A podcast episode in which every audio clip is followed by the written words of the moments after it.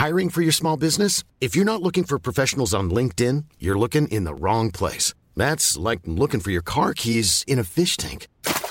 LinkedIn helps you hire professionals you can't find anywhere else, even those who aren't actively searching for a new job but might be open to the perfect role. In a given month, over 70% of LinkedIn users don't even visit other leading job sites. So start looking in the right place. With LinkedIn, you can hire professionals like a professional. Post your free job on linkedin.com slash people today. Burrow is a furniture company known for timeless design and thoughtful construction and free shipping, and that extends to their outdoor collection.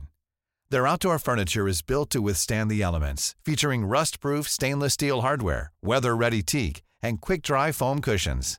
For Memorial Day, get 15% off your Burrow purchase at burrow.com slash ACAST and up to 25% off outdoor. That's up to 25% off outdoor furniture at burrow.com slash ACAST. Hey, I'm Ryan Reynolds. At Mint Mobile, we like to do the opposite of what Big Wireless does. They charge you a lot, we charge you a little. So naturally, when they announced they'd be raising their prices due to inflation, we decided to deflate our prices due to not hating you. That's right. We're cutting the price of Mint Unlimited from $30 a month to just $15 a month. Give it a try at mintmobile.com slash switch. $45 upfront for three months plus taxes and fees. Promo rate for new customers for limited time. Unlimited more than 40 gigabytes per month. Slows. Full terms at mintmobile.com. Som faren min sa til meg en gang før jeg skulle begynne å studere, det å bare møtes ute og løse verdensproblemer over øl, det eh, har jeg ikke hatt mye av.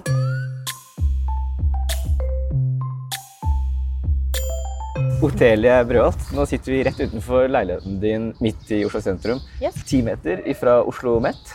Stemmer. Du er fra Tomter opprinnelig og har gått på Mysen videregående. Tomter er vel nå mest kjent for at det er der Ingrid Bjørnov bor. Det stemmer. Det tror jeg det er mange som har fått med seg. Og eh, når jeg snakker med andre folk eh, som tilfeldigvis har hørt om henne, så får de, skjønner de at ah, vi er fra samme plass. Når du møter eh, medstudenter og nye folk i Oslo, hva er det du pleier å si når de spør deg hvor du kommer fra? Da sier jeg Indre Østfold. Og hvis de ikke helt klarer å plassere det på kartet, så pleier jeg å si at tomta ligger mellom Ski og Askim. Og da har de fleste en viss peiling. Hva er det oppfølgingsspørsmålet som regel er da, hvis det er noen? Hvis det er noe, så er det vel en litt sånn altså, Hvis det er et oppfølgingsspørsmål, så har de fleste ikke hørt om plassen. Og da er det litt sånn OK, hvor stort er det? Eh, er det et tettsted? Er det bare bygda? Eh, som for så vidt svaret er jo ja på de to siste spørsmålene. Eh, Hvordan er det det? jeg tror nok det folk tenker på bygda, er liksom lite som skjer. Eh, gårder og eh, langt mellom eh, folk da, som ikke nødvendigvis bor i liksom boligfeltene. Da. Så du opplever at du kommer fra bygda? Jeg opplever at jeg kommer fra bygda, ja, at jeg kommer fra en landlig plass. Og det har også mye med at uh, når jeg var tolv år, så overtok faren min familiegården. Så da ble det mye mer naturlig å på en måte med en sånn bygde- og bondetilværelse. Uh, Og det tror jeg hjelper. Men jeg tror de som er oppvokst på boligfeltet i tomter alltid, kanskje ikke ville sagt det som bygda, da. Hvordan er det du beskriver din identitet når det gjelder f.eks. tilhørighet, forankring, livsstil, Ja. interesser? Altså, altså, når jeg eh, på en måte gikk på ungdomsskolen, så var jeg sånn veldig lei av å bo i Indre Østfold. For det på en måte skjedde ikke så mye, og det var liksom ikke så veldig kult. Fordi, i hvert fall min definisjon av kul, da. For jeg hadde jo interesser som var mer kreative, og begynte å introdusere eh, politikklivet, organisasjonslivet og kultur. Eh, så for meg så er det sånn, det skjer jo ingenting her. Jeg har ikke noe interesse av å bo her lenger.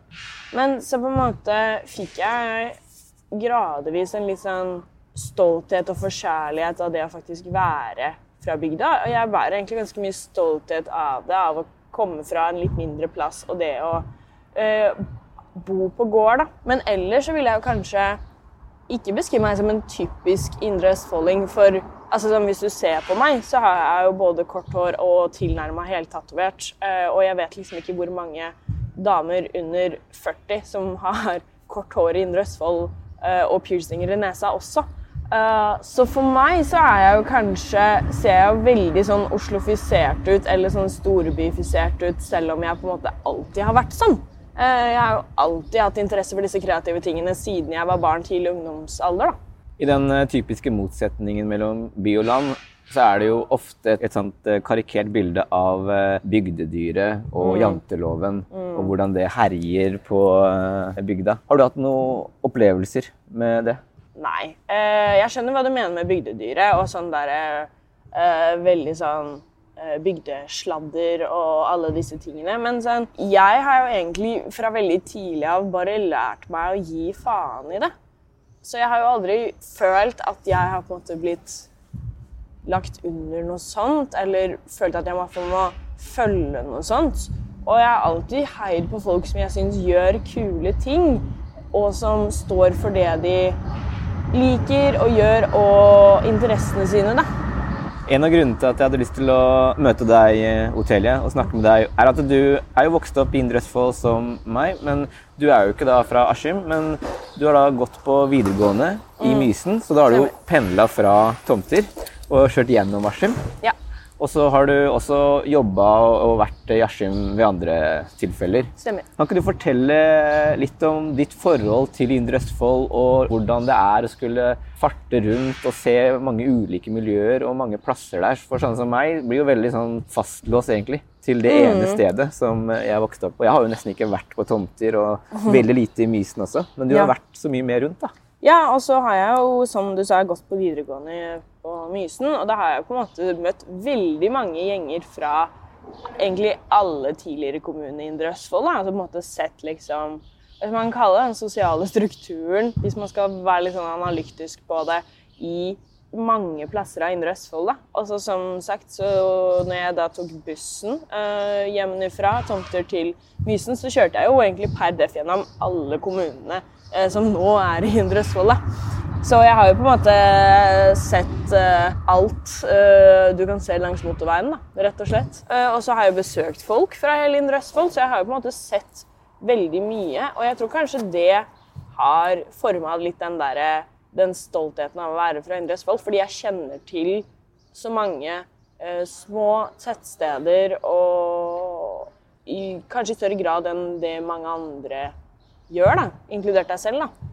Mm. Hva slags inntrykk er det du sitter igjen med av disse miljøene og folka du har møtt opp gjennom eh, tenåra i Indre Østfold? Altså Hvis vi går tilbake til det der at jeg ikke identifiserer meg som en uh, veldig typisk indre østfolding, uh, så er jo det har jo det inntrykket kommer jo også fra det å ha vært uh, i veldig mange sosiale miljøer. da. Du har jo de som Hvis du kommer liksom enda lenger inn i Indre Østfold, så hvis vi snakker sånn Trøgstad og Rakstad, så er det jo for det første prater de litt breiere.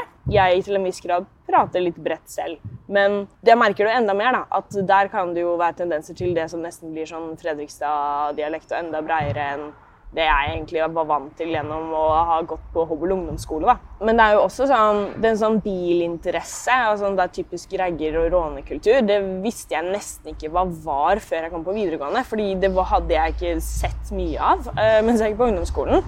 Så jeg visste jo knapt hva en råner var før jeg liksom skjønte ok, det er sånn, ja. Og da snakker vi jo Wonderbaum og Eddie Medusa og rånemusikk, liksom.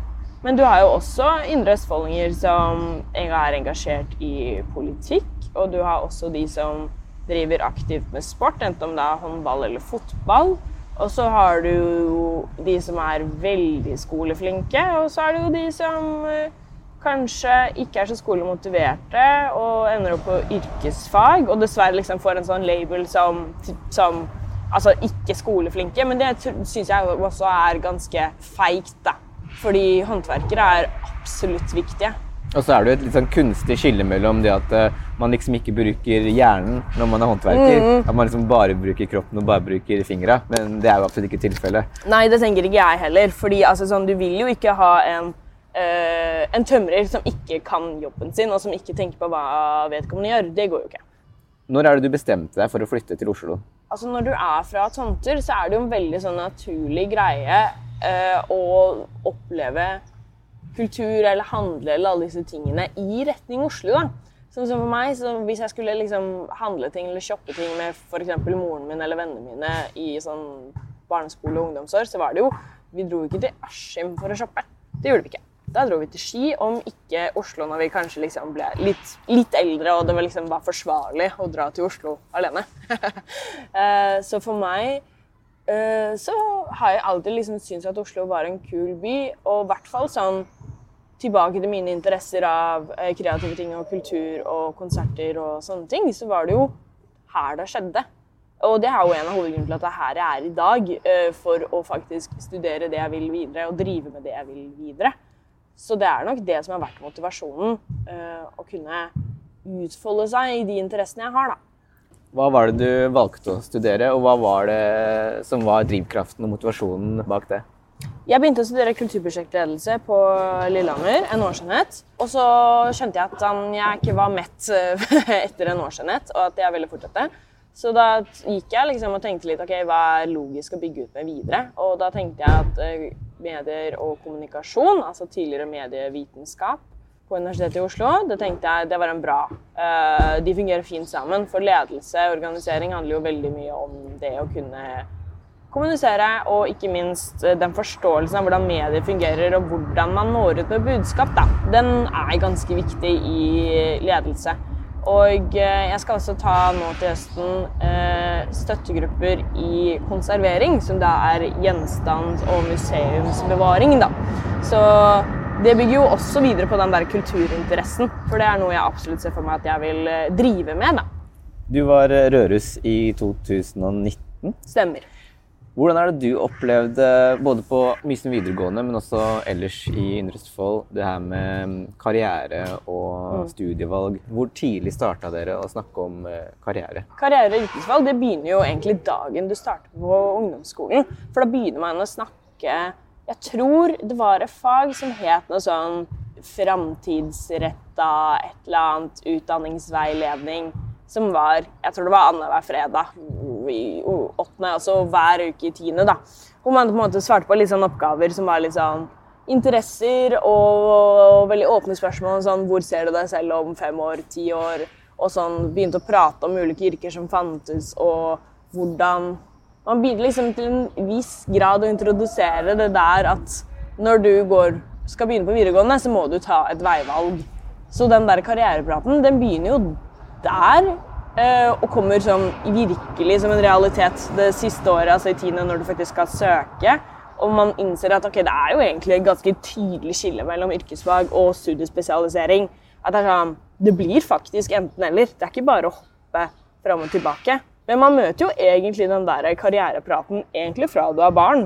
Når de spør hva er det du skal bli når du blir voksen, og så sparer du jo enten fotballstjerne eller ballerina. ikke sant? Eller popstjerne, f.eks. Hva svarte du?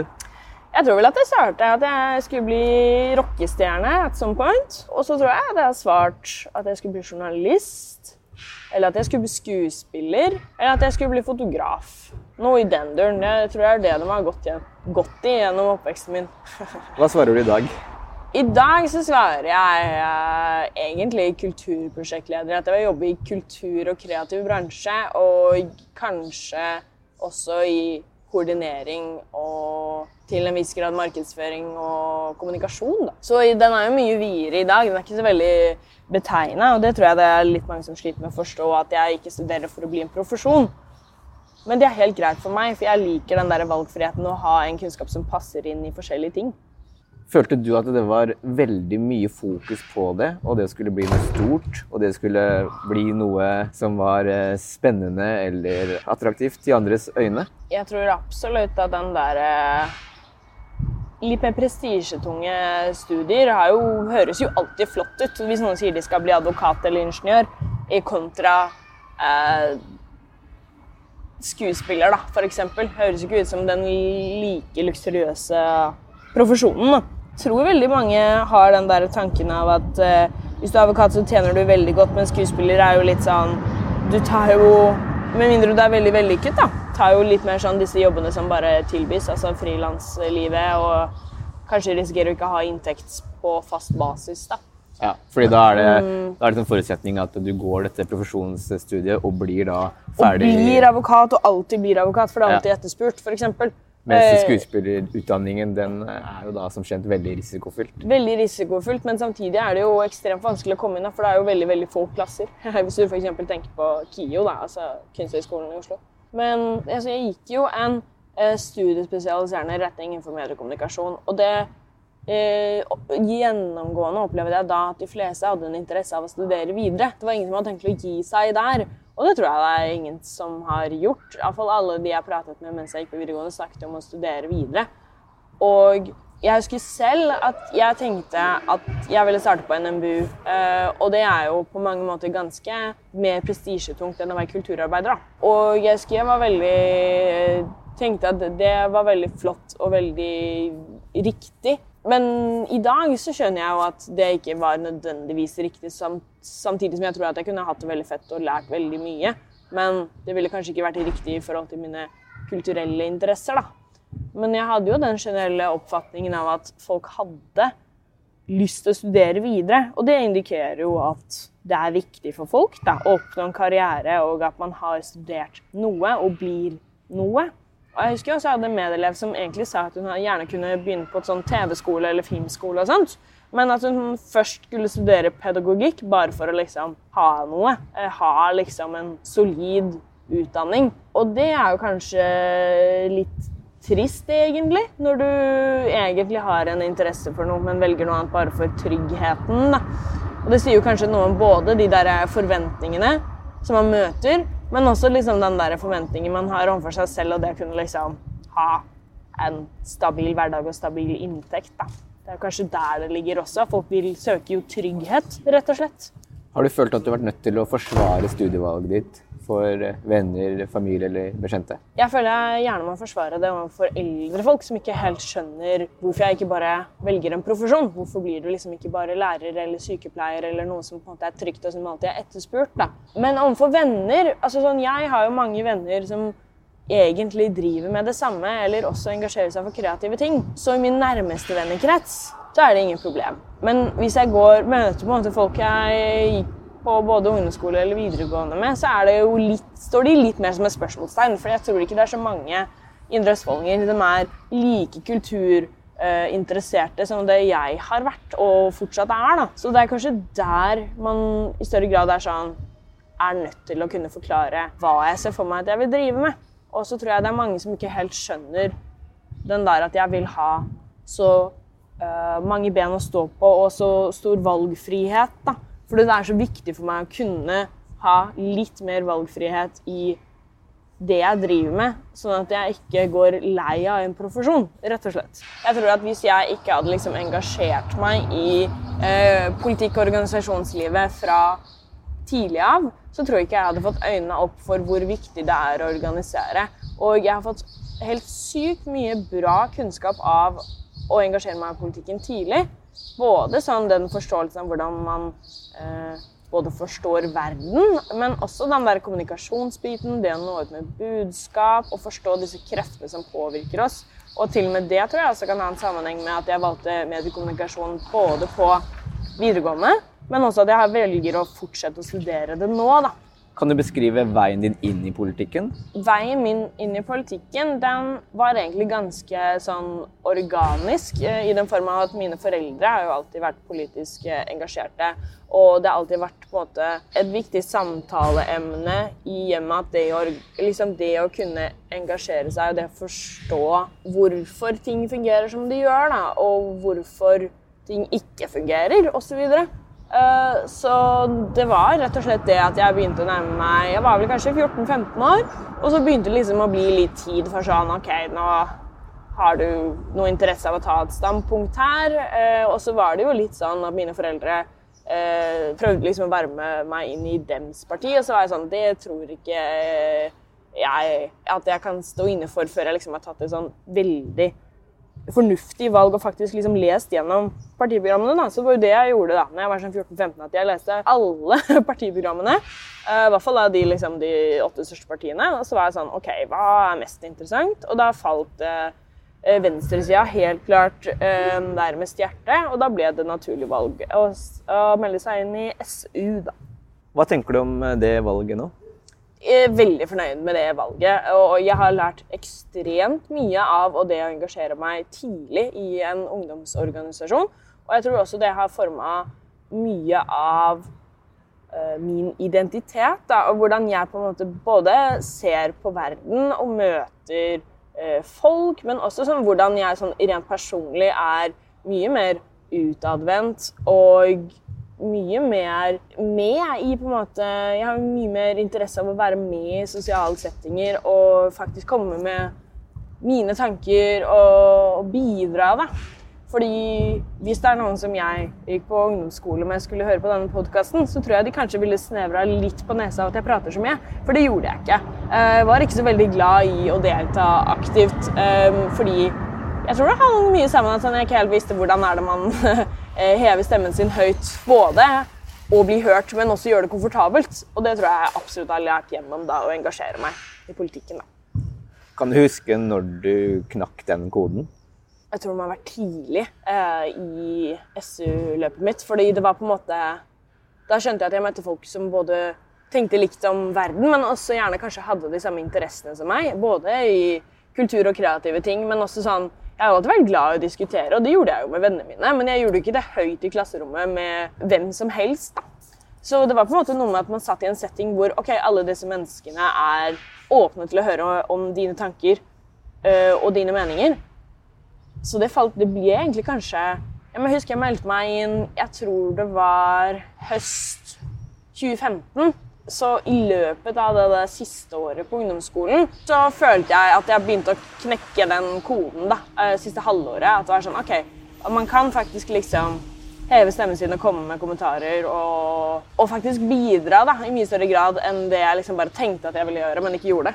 Og på videregående så følte du deg komfortabel? Ja, I videregående så var jeg da veldig rusta til å snakke og diskutere med lærerne og stille meg vrang og alltid stille disse liksom polare spørsmålene til ting, bare for å liksom skape disse debattene. For jeg syns det var både spennende og fordi jeg gjerne ville, jeg gjerne ville at flere av mine medelever deltok. da. Eh, for det så jeg ikke nødvendigvis at de gjorde. Og jeg visste jo selv at det er så kult å kunne delta aktivt, men det er ikke nødvendigvis så sykt lett. da. Opplevde du at du ble satt i en bås som den skoleflinke, veslevoksne, nesten pretensiøse eleven? Ja. Og, og, var det en bås som du omfavna litt? Uh, jeg fikk jo den i trynet flere ganger, at det var veldig sånn flink, flink pike-opplegg. At det var sånn Jeg deltok i, i timene, og jeg var opptatt av å prestere godt. Men jeg, var aldri sånn, jeg følte aldri at jeg hadde en sånn sykelig opptatthet av å alltid liksom Eh, jeg har jo sett de som har knekt sammen av å få en seks minus, eh, og der har jeg aldri vært, heldigvis. Vært er komfortabel i at det jeg yter, er det jeg klarer å yte. Eh, så, men den derre rollen av pretensiøs, skoleflink og velartikulert, den har jeg egentlig alltid vært satt i. Og til en viss grad så vil jeg jo si meg enig, for jeg er jo opptatt av å som sagt yte eh, og bidra. Men samtidig så syns jeg det også er helt greit å ikke alltid være i toppform, da, hvis man skal kalle det det. At det er helt greit å ikke alltid få den der sekseren da, eller A-en på universitetet. da. Da høres det ut som eh, det der eh, skolepresset lever ganske greit i Indre Østfold også, hvis det var noen som knakk sammen etter en seks minus? Ja, det skolepresset tror jeg lever absolutt. Ass. Det så jeg Jeg følte ikke at jeg så veldig mye av det, men jeg så det. Eh, og det var Hvis jeg skal dra en sånn veldig general assumption, så var det jo hos jenter særlig, da. Hvor tenker du at det kommer fra, det presset, og hvordan er det du sjøl takla det? Jeg tenker at det presset kommer fra at man har jo Man blir jo møtt hele livet. Sånn, du som ung i Norge i dag har jo alle disse mulighetene. Uh, og at alle kan bli leger eller ingeniører og alle disse tingene. Men uh, jeg vet ikke helt hvem som pusher det mest. Fordi altså, En ting er at du hører det hjemmefra, men det er jo du som på en måte aktivt velger hvorvidt du vil høre på det. da. Da har vi flytta oss til Campus Oslo OsloMet. Vi sitter ti meter ifra boligen din. Stemmer. Vi må plukke opp tråden om eh, det her med kultur. Det er jo det du studerer. Eller eh, medier og kommunikasjon. Og det er kultur og, og det skapende som har vært eh, interessen din Riktig. helt siden barndommen, sa du? Alltid. Ja. Fortell, hva er det med kultur som er viktig for deg sjøl, men også sånn samfunnsmessig? Og hva slags kulturuttrykk er det som opptar deg? Ja. Altså sånn, eh, jeg har jo alltid vært fascinert av kultur fordi det er på en måte noe som folk enten skaper, eller som rett og slett bare blir skapt av eh, de folkene som er rundt deg, eller den du er, eller liksom de miljøene du tilhører. Så kultur representerer jo rett og slett folk og deg selv, og, og er liksom en forlenging av mye av liksom det sosiale og rett og slett av det kulturelle, men også liksom sånn hvem vi er som samfunn, og ikke minst sånn hva vi vil oppnå, og belyser på en måte alt som både er godt og vondt. Og det er så sykt viktig. Så for meg så har det alltid vært interessant å forstå det, men også liksom kanskje til og med utøve det selv også har også vært interessant. Og den interessen, som sagt, har jo alltid vært med meg, eh, og alle mest sannsynlig kommer alltid til å være med meg. Eh, og det jeg er veldig glad i, er jo sånn Alltid vært glad i ting som setter problemer på agendaen og er litt sånn samfunnskritisk. Så jeg har hatt en sånn kjempestor interesse, og fortsatt, for sånn punk i alle former. Enten om det liksom er sånn rå 70-tallspunk eh, som er liksom filma på de mest shitty opptakene, som nå i nyere tid har blitt digitalisert eller nyutgivelser igjen, da, fordi det bare ble utgitt på liksom typ eh, fem LP-er som du er heldig hvis du fikk tak i, rett og slett. Men jeg er også veldig glad i både billedkunst og musikk generelt, festivaler, øh, og også særlig sånn denne kulturarv og det å kunne bevare noe. Og det å kunne liksom se disse historiske linjene om hvordan folk levde, og hvordan det på en måte la grunnlaget for hvem vi er i dag, og hvem vi vil være framover, ikke minst. Hva betyr punk for deg i dag? Hva innebærer det? Er det en livsstil? Er det ideer? Er det musikk? Er det estetikk? Det er en liksom suppe av alt. fordi altså, Punk blir på mange måter liksom både livsstil, tankesett, ideologi eh, og også uttrykksform. Men jeg veldig, jeg kjenner meg kanskje mest igjen i sånn, den uttrykk, uttrykksformen. Det er liksom bare det å sette problemer på agendaen, og det å kunne liksom bare si noe uten å nødvendigvis være liksom profilert jazzmusiker med 17 år utdannelse, liksom. Og det at det er så åpent for at alle kan uttrykke seg. Samtidig som det liksom tar ofte problemer ved rota, og det er på en måte noe jeg alltid har syntes har vært sykt kult. da. For jeg liker ikke folk som bare dilter unna problemer og går rundt grøten. Eh, og det syns jeg er viktig. De aller fleste forbinder jo punk med stygge lyder og uorganisert system. Og i tilfeller så er det jo det, men hvis det er det du uttrykker og føler på, så, så er jo det også kultur, da. Du som uh, har studert kulturprosjektledelse og nå fortsetter innenfor samme fagfelt, så vil jeg tro at du da skal jobbe en del med formidling av uh, kunst og kultur, om ikke du kommer til å produsere det sjøl.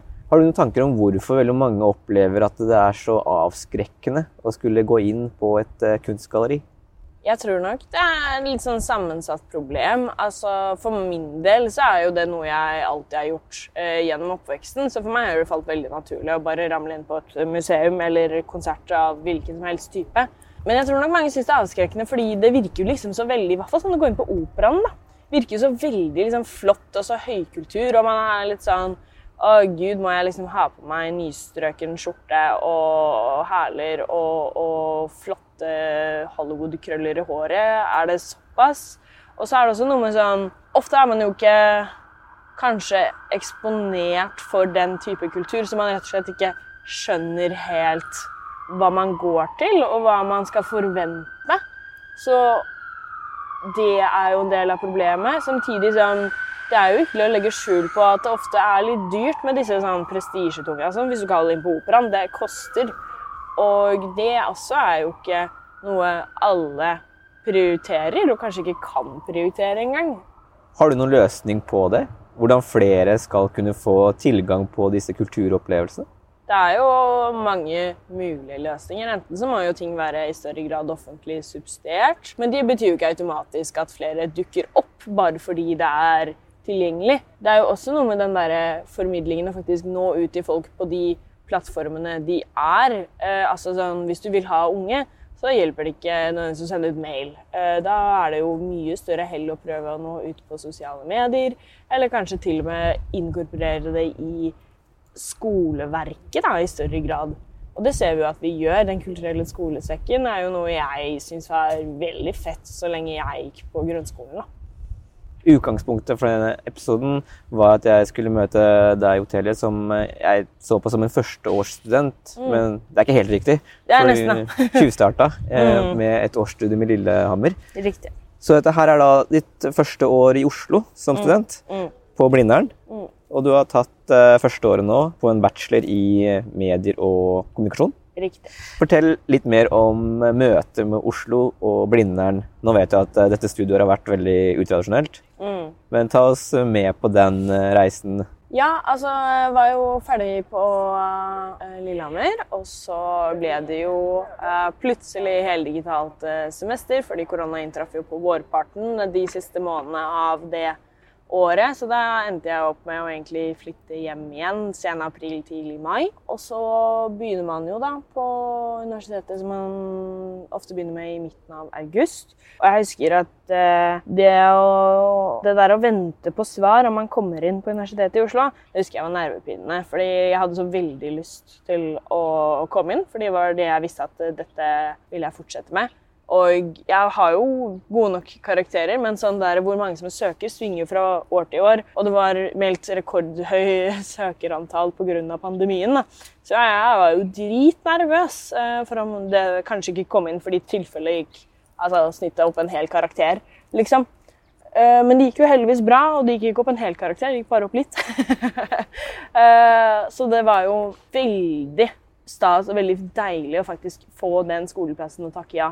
Eh, så jeg gleda meg masse til å begynne. Og jeg husker det var veldig kult å gå der, liksom. Eh, og ta av Stoppe med trikken, gå ut av trikken og ta de første liksom, stegene på Universitetsplass i Blindern. Altså, jeg har jo vært her to-tre ganger før bare liksom besøkt Blindern og sett på ting, fordi bl.a. har faren min studert her, så har jeg jo bare sett på bygningene, for han ville peke, liksom. Uh, men sånn jeg husker, og det å liksom bare gå rundt på plassen her første dagene, så følte jeg meg liksom Jeg følte meg liksom som en av de neste store. For det er jo alle disse flotte politikerne og høyt utdanna menneskene har jo gått på uh, har jo gått på Blindern. da. Så jeg gikk der og bare følte ah, jeg er den neste Jens Stoltenberg, og jeg er den neste ikke sant? Jeg følte meg veldig som om jeg hadde liksom fått en sånn liten krone på hodet bare fordi jeg gikk på Blindern, liksom. Verden er din scene? Ja, ja, ja, ja. Plutselig litt sånn høy på meg selv for at jeg hadde kommet ut på Universitetet i Oslo, da. Så det høres ut som du fikk en veldig god følelse av ja. å ta dine første steg på Blindern? Ja, det var litt sånn confidence boost av å komme inn på Universitetet i Oslo og begynne. Fortell om eh, året som har vært. Faglige utfordringer, oppturer, nye bekjentskaper opplevelser med studielivet? Altså, Idet vi begynte i, altså, i, høst, altså 2020, så var det jo fortsatt en koronapandemi. Den var jo på mange måter eh, mye roligere, og folk tenkte at nå er vi på en måte liksom, nå er vi ferdig med det. Men det var jo fortsatt smitteverntiltak og eh, begrensa hvor man kunne være i sosiale sammenhenger osv. Så, videre.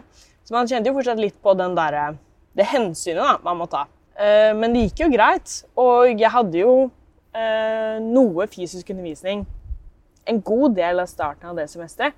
Og det var veldig deilig å være igjen på en fysisk forelesning. Jeg tror jeg bare har hatt digital siden da sen mars. Det var veldig fint, og det var veldig fint å kunne møte folk og de man studerte med. For det tror jeg hadde vært veldig tungt hvis jeg ikke hadde møtt en eneste av de jeg studerte med utover på skjermen. Uh, og jeg har jo, fordi det var begrensa hvor mange man fikk lov til å møte, så har jeg jo ikke møtt alle jeg studerer med ennå. Og det håper jeg at jeg fikser i løpet av de to neste årene. Men det er jo ingen garanti på at eh, man faktisk får til det. da. Er det noe som du har assosiert med det å være student i Oslo, som du har gått glipp av, føler du, dette året?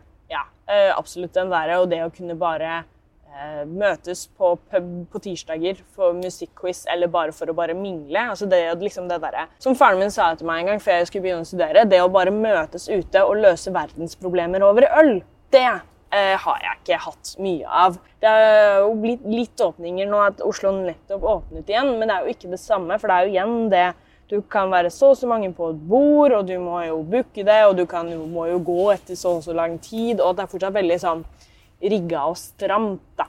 Det føles liksom ikke helt uh, fritt og åpent ut igjen, og det er jo helt greit, for det er de hensynene vi må ta, men det er jo Man mister jo den der studentfølelsen, da. Det gjør man. For de som vil høre mer om unge politisk engasjerte indre østfoldinger, kan høre episoden med Petra Brink. Og jeg lurer på, hotellet, hvorfor tror du at mange opplever at politikk er skummelt å engasjere seg i? Tror nok det er fordi politikk ofte, lokalpolitikk har veldig sånn gubbepreg. Det er veldig mange eldre og, og som alltid har vært der, gamle travere som på en måte vet alt. Og man føler seg jo veldig liten i det møtet med sånn Kanskje man eh, nettopp har begynt å engasjere seg, eller man nettopp har fylt 18. Da. At det er sånn, man føler seg veldig liten og veldig oversett, kanskje. Uh, uten at det nødvendigvis er sånn. Det er jo, de færreste har jo lyst til å være direkte skip mot deg, og, men de bare kjører på i sine gamle baner. ikke sant? Så jeg tror kanskje det er litt avskrekkende å være nybegynner ting. Som det ville vært med veldig mange andre både sporter og interesser uansett. Men uh, jeg tror kanskje man ikke har lyst til å stå alene i noe, og det er avskrekkende, da. Vi var litt innom eh, det i stad, da vi satt uh, bortafor de basketballspillende ungdommene. Dette her med studiespesialiserende og det med yrkesfag. Mm. Opplevde du noe konflikt, uttalt eller uuttalt, mellom de liksom, gjengene som da gikk på yrkesfag på Mysen, og de som studerte noe som de skulle bruke til å studere videre med ja. senere? Jeg tror uh, altfor mange har den der tanken om at yrkesfag er veldig sånn sett ned på, bagatellisert, og at det på en måte er litt sånn ja, Da er det jo ikke noe skolelys, da. Uh, som er en veldig synd holdning, egentlig. Så jeg tror i grove trekk så tror jeg absolutt det var ganske klart skille og det hjelper jo i hvert fall ikke med at eh, bygningene, i hvert fall på Mysen videregående skole, er ganske separert. Og det gir jo mening i og med at liksom undervisningssettingene og verkstedene og sånne ting eh, blir ganske avvikende. Og det hadde vært dritirriterende hvis jeg hadde hatt liksom bikkenslager i rommet ved siden av. Men samtidig så setter jo også liksom veldig sånn meg og deg og mine og dine preget, da. Og det er jo ganske synd, egentlig. Ja, føler du at eh, skolen og samfunnet ellers er med på å forsterke de motsetningene, istedenfor å forsøke å bygge en bro mellom de to kunnskapsfeltene? Altså, sånn, når man tar det der veivalget inn i videregående i dag, så er det sånn enten-eller. Det er veldig sånn, Du starter på det ene eller det andre, og hvis du gjør feil, så må du rett og slett søke på nytt året etterpå. Og jeg tror kanskje det hadde vært en interessant løsning, da, men det hadde vært litt enklere å forene de to på en eller annen måte. Eh, for nå har de gjort eh, forsøk med at de har lagd studiespesialiserende retninger av yrkesfag. Som f.eks. jeg gikk gjennom mediekommunikasjon som da var studierettet istedenfor. Altså jeg endte opp med å få generell studiekompetanse. Men jeg tror kanskje det hadde vært interessant hvis man i større grad klarte å kombinere de to uten at man nødvendigvis gikk for at man skulle ende opp med yrkesfaglig brev, altså fagbrevet, da eller om man skulle ende opp med en studiespesialiserende grad da, som egner seg til videre utdannelse. Fordi det er veldig sånn enten-eller. Og hvis du på en måte ender opp med å ta fagbrevet, så må du jo Hvis du har interesse for å studere videre, så må du jo tilbake for å ta studiespesialiserende eller påbygg da, for å få studiekompetansen. liksom. Du kan ikke forene de to, i hvert fall hvis du velger de tradisjonelle yrkesveiene. da. Og det er kanskje litt synd at det ikke er lettere å gjøre det byttet uten å liksom faktisk må gå gjennom den søknadsprosessen helt på nytt året etterpå. Da. Min egen erfaring som uh, ungdomsskoleelev og videregående skoleelev i Askim var det at uh, det var veldig karikerte skiller da, mellom de som skulle gå på studiespesialiserende og de ja. på yrkesfag. og at Det ble nesten sånn at de to grupperingene nesten omfavna de sporene de hadde havna i, med å forsøke å finne de sosiale berøringspunktene og likhetene som det tross alt er mellom tenåringer som er vokst opp på samme sted. Mm. Opplevde du også at man ble fanga litt i de rollene? Liksom Det å skulle være den studiespesialiserende kontra det å være den yrkesfageleven? Eh, jeg husker når jeg eh, starta, så var jeg Fordi det fantes en yrkesfaglig retning av mediekommunikasjon og en studiespesialiserende retning.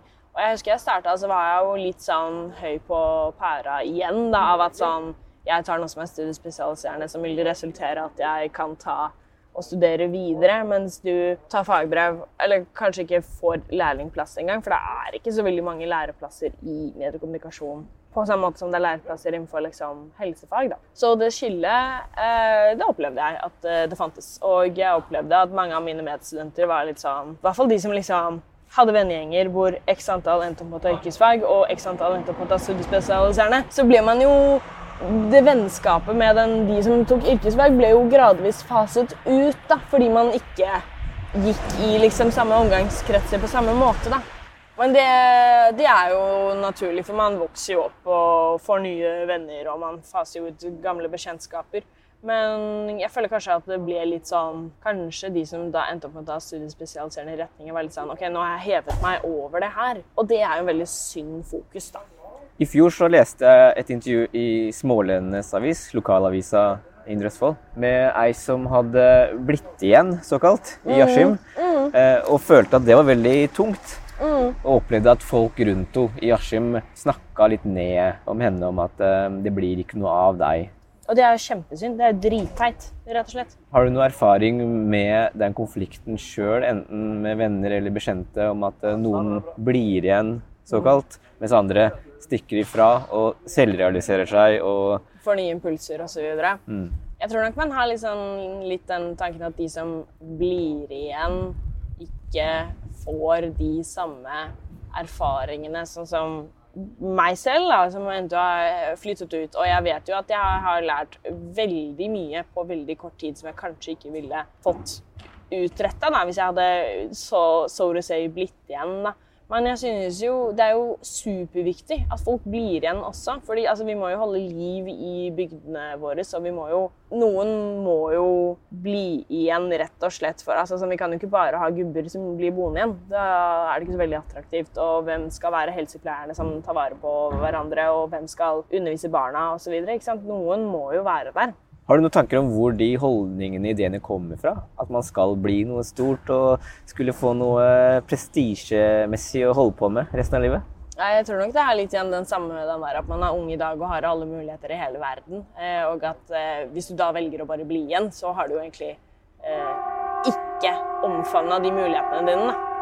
Otelia, det er eh, to år siden du gikk ut av Mysen videregående. Mm. Jeg lurer på om du også har øyeblikk hvor du tenker tilbake på eh, tenåra og erfaringene med medelever i Indre Østfold og russetida og, og, sånne ting, eller om det bare er 30- og 40-åringer som sitter og mimrer eh, om sånne ting? Jo da, absolutt. Jeg tenker mye på tiden i Indre Østfold som hyggelig, litt fredeligere og litt mindre byliv. Og særlig sånn når jeg sånn på natta ikke får sove fordi det er uh, bare fulle folk som går forbi. Så tenker jeg sånn ah, tenk er så deilig å bare sove på en gård i Indre Østfold hvor det eneste du hører er fuglekvitter, liksom. Eh, men også sånn sosiale ting og ting jeg har opplevd og venner jeg ikke møter like mye lenger, da, fordi de enten studerer andre plasser eller har begynt å jobbe med andre ting. Og, og det er ofte jeg liksom får sånn Hører musikk som jeg har hørt mye på ungdomsskolen og videregående. Jeg får sånn gode minner tilbake. og du er fra Tomter og har på en måte levd litt mer av det bygdelivet som uh, mange kanskje har en uh, tanke om at indre østfoldinger gjør, men ja. som egentlig de færreste gjør. De aller fleste bor jo i boligfelt og pendler inn til uh, Oslo for å jobbe. Ja. Og du pendla jo allerede fra tidlig av for å komme mm. til videregående i Mysen. Kjørte gjennom Askim, hadde deltidsjobber i Askim og har vært mye rundt omkring, som vi snakka om. Mm. Jeg er fra Askim, og jeg opplever jo at Askim er et sentrum i Indre mm. Østfold. Mm. Hva tenker du om det? Altså, der jeg er fra, som da blir tomter som da ligger jo helt på grensa eh, til Ski eh, og automatisk Oslo, i hvert fall hvis du tar toget. Så for meg så var jo Askim var jo liksom litt sånn eh, Ikke helt sentrum. Jeg skjønte at det sånn folk man kalte det som sentrum, men jeg opplevde nesten at mitt sentrum var i større grad liksom Ski, eh, om ikke til og med Oslo. Så det var jo ikke før jeg liksom eh, skulle begynne på videregående, da, at jeg opplevde at sentrum er jo kanskje av Indre Østfold blir jo mye mer automatisk. Askim og så liksom Mysen blir jo sentrum for de grendene som er enda lenger ut, som Rakstad og sånn, liksom. Så jeg hadde jo ikke så veldig stor kjennskap til hvordan Indre Østfold så ut helhetlig før videregående alderen. da. Da fikk du et annet blikk på det? Ja, absolutt. Altså, sånn, jeg husker sånn, jeg gikk på barneskolen, så var jeg ikke helt sikker på hva forskjellen på Trøgstad og Tønsberg var. Eh, fordi jeg bare jeg visste ikke hvor, hva noe av det var, liksom. Så jeg liksom slo på kartet og var sånn Å ja, det er to helt forskjellige ting, ja.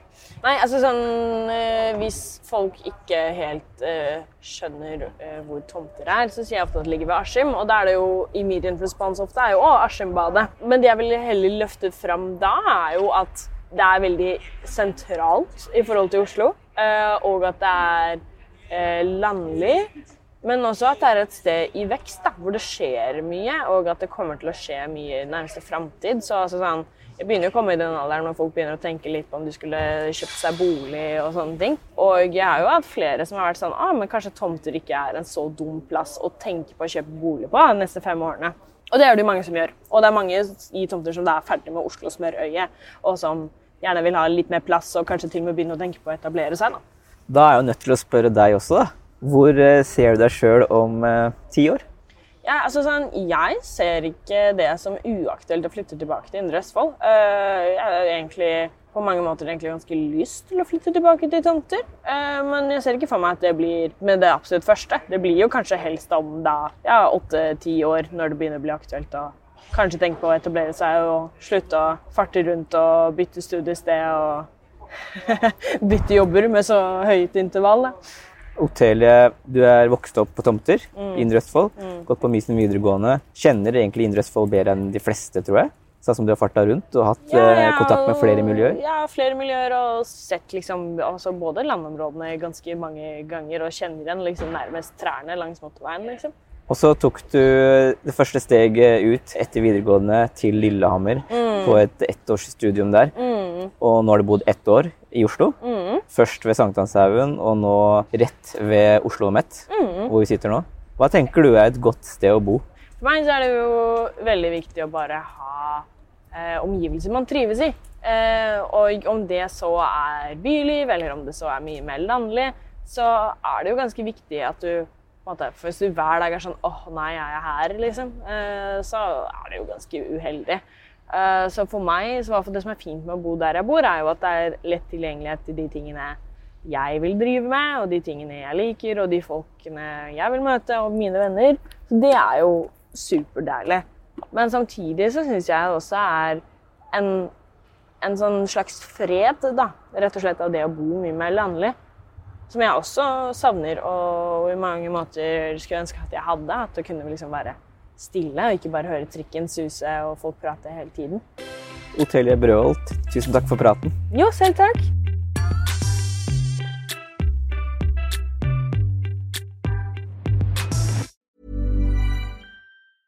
Mom deserves the best, and there's no better place to shop for Mother's Day than Whole Foods Market. They're your destination for unbeatable savings, from premium gifts to show-stopping flowers and irresistible desserts. Start by saving 33% with Prime on all body care and candles. Then get a 15-stem bunch of tulips for just $9.99 each with Prime. Round out Mom's menu with festive rosé, irresistible berry chantilly cake, and more special treats. Come celebrate Mother's Day at Whole Foods Market. Hey, it's Danny Pellegrino from Everything Iconic. Ready to upgrade your style game without blowing your budget? Check out Quince. They've got all the good stuff shirts and polos, activewear, and fine leather goods, all at 50 to 80% less than other high end brands. And the best part? They're all about safe, ethical, and responsible manufacturing. Get that luxury vibe without the luxury price tag. Hit up quince.com slash upgrade for free shipping and 365 day returns on your next order. That's quince.com slash upgrade.